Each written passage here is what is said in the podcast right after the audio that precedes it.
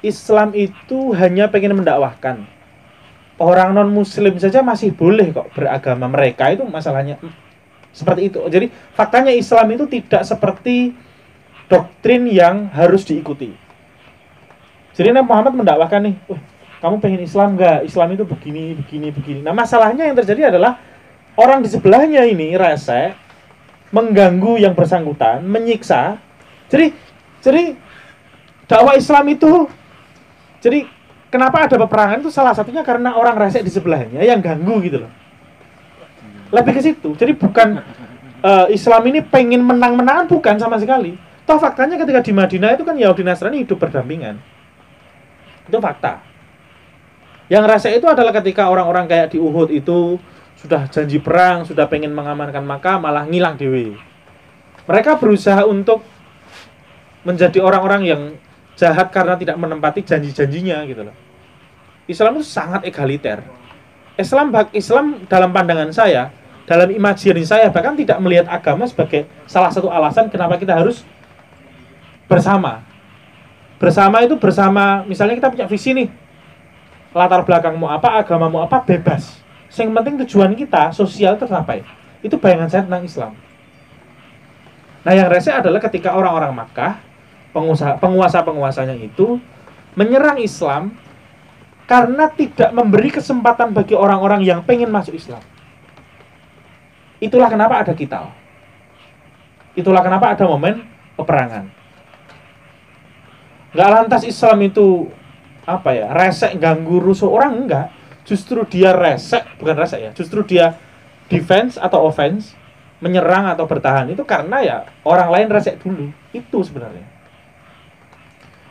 dan ya bayangin kalau misalnya jenengan ya kan buka toko. Ayo ini ada rokok nu sahabat, warnanya hijau, sehat misalnya. Terus ada orang lain yang uh, ngomong gitu kan kan rese. Nah, momen kita menyerang balik itulah yang sebenarnya bisa kita sarikan dari sejarah peperangan Islam. Jadi dua tahun dari tahun 622 sampai pada akhirnya 625 itu perang Badar. Lalu dari perang Badar, perang beberapa tahun sampai 628 itu itu momen. Jadi ke, dua tahun kekuatan, dua sampai tiga tahun kekuatan, dua sampai tiga tahun peperangan, lalu dua tahun kemudian menata sampai akhirnya umat Islam bisa kembali ke Makkah tahun 630 Fathu Makkah itu Nah yang agak kurang mengenakkan dan dua tahun kemudian juga Nabi Muhammad meninggal. Dalam waktu 10 tahun, momentum-momentum apa yang namanya dibangunnya masyarakat atau negara dalam tanda kutip ya, negara Madinah ini sangat singkat, tapi butuh waktu, butuh jeda. Ada tahapnya. Kalau kita mau berbicara eh, kemajuan sebuah institusi pendidikan, institusi sosial misalnya ada proses. Jadi nggak langsung serampangan gitu loh. Nabi Muhammad makanya melarang sahabat-sahabatnya waktu di Makkah itu untuk menyerang balik apa yang sudah di apa ya diresain dari orang-orang Makkah ke orang-orang Islam. Diganggu dilempari dan seterusnya lah. Itu tidak Nabi Muhammad tidak ayo undang gelut misalnya. Enggak. Karena tahu karena tahu mereka masih lemah. Nah, saat di Madinah itu ada ukhuwah di antara mereka yang pertama, yang kedua menata keadaan, dua tahun kemudian baru mulai ada perang. Jadi bertahap gitu loh. Jadi kalau kita mau jujur bagaimana kita melihat diri kita, mungkin memang perlu ada momen misalnya kayak Randu Jembagar ini dua tahun tiga tahun itu e, pembangunan dan inisiasi. Jadi ini kan pola ya bikin tanggal. Tanggalnya udah langsung ada tanggal emasnya itu yang apa titenan tanggal apa namanya untuk acara selapanan misalnya. Itu kan titen tanggal-tanggal sudah ada. Itu momentum. Dua tiga tahun lagi pasti ada yang berubah di sini. Karena ada sudah melalui fase-fase awal. Dua tahun awal. Nanti dua tahun lagi apa? Dua kita nggak tahu ini nanti sebesar apa. Makanya tadi saya sama Makanya tadi saya nanya sama Aziz, Mas, di belakang itu ada apa? Tanah kosong. Kalimatnya kosong ya.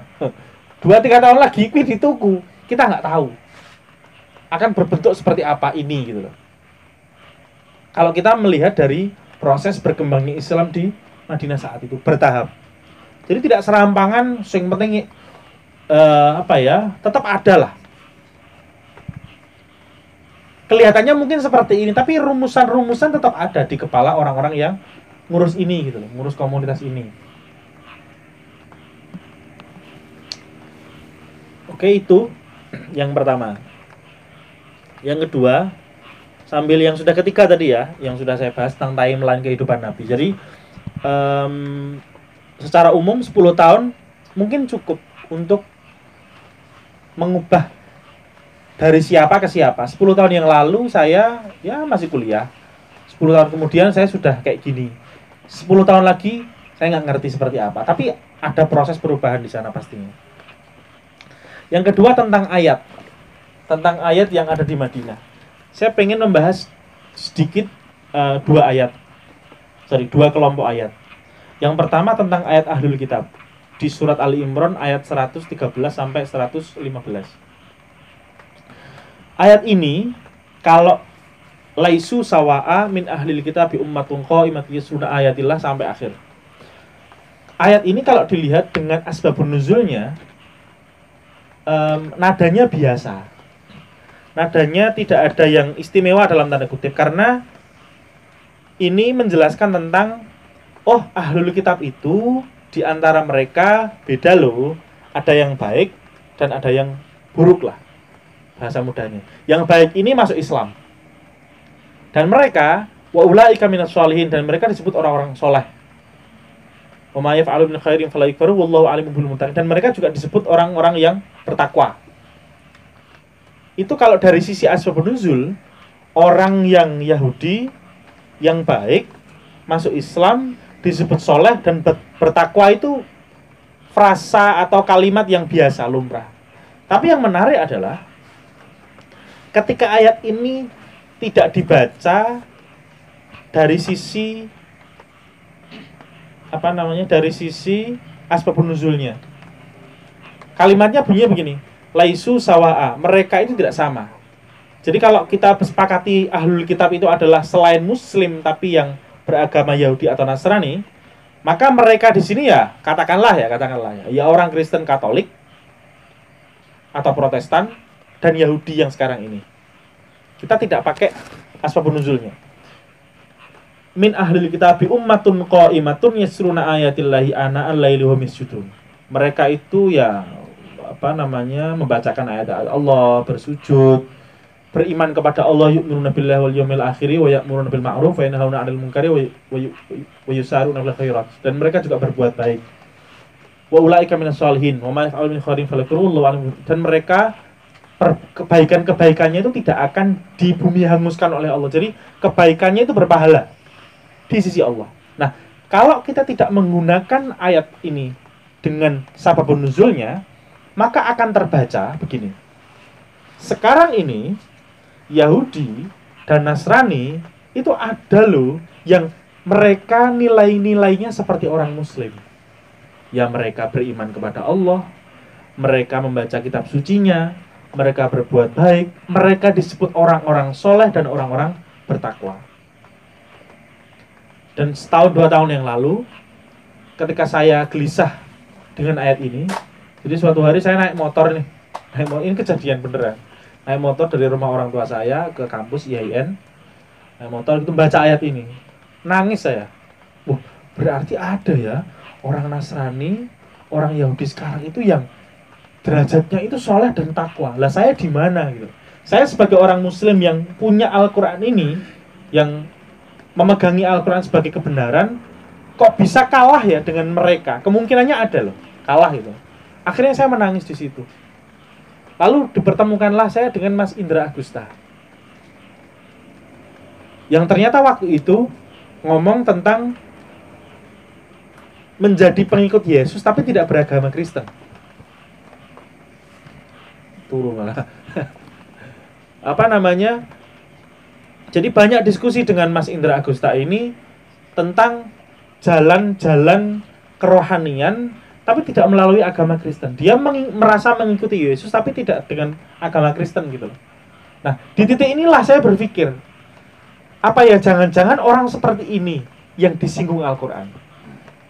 Jadi kalau dalam penuturannya Mas Indra itu dia bilang, ya saya bukan orang Kristen Katolik, bukan juga Protestan. Tapi saya orang yang ya jalannya lain.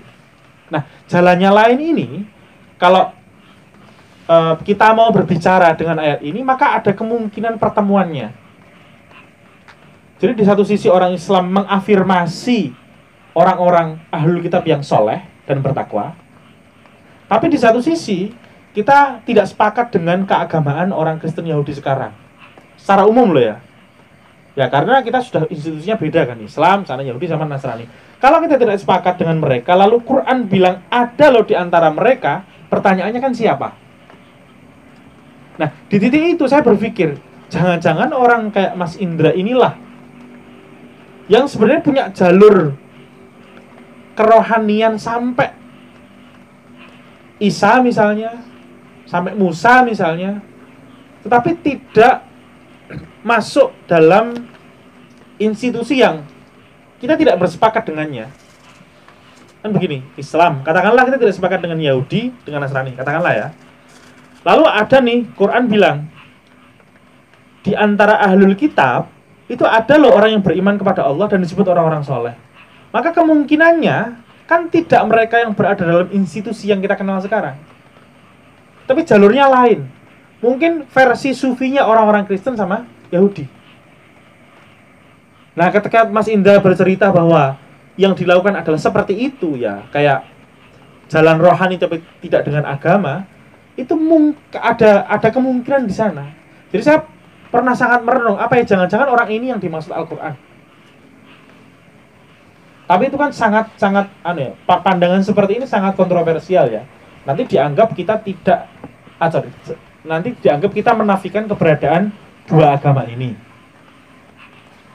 Tapi apa pun itu, pemikiran itu pernah terlintas di benak saya dan itu ngeri sekali. Betapa kalimat misalnya kan ada yang bilang tuh orang-orang liberal ada kebenaran di luar Islam. Itu bukan tidak mungkin. Kalau kita melihat dari ayat ini dengan tidak pakai asbabun nuzul. Kan kita tahu Al-Qur'an turun ya, dulu gitu kan. Ada sebetulnya ya dulu ya. Tapi ada momen di mana kita itu memahami Al-Qur'an as it is. Memahami Al-Qur'an berdiri sendiri tanpa dengan sababun nuzulnya. Dengan sababun nuzul itu baik, tapi pemahaman harfiah, bukan harfiah yang letter luck ya, tapi harfiah yang uh, mengambil substansi. Itu kan mungkin. Karena bagaimanapun ini juga kitab suci bebas untuk ditafsiri sejauh mana dia tidak dicurangi gitu loh.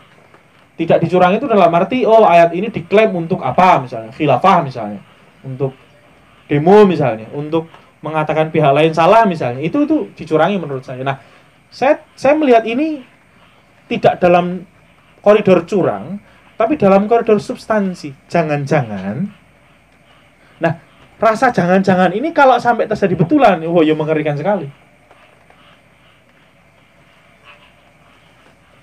Tapi ya tadi orang selalu bilang bahwa ya kita memahami Al-Quran ya dengan sabab nuzulnya selama ada sabab nuzulnya. Itu yang kadang-kadang uh, membuat kebanyakan dari kita tidak berani mengungkapkan pemahaman seperti ini. Dan ini saya pendam.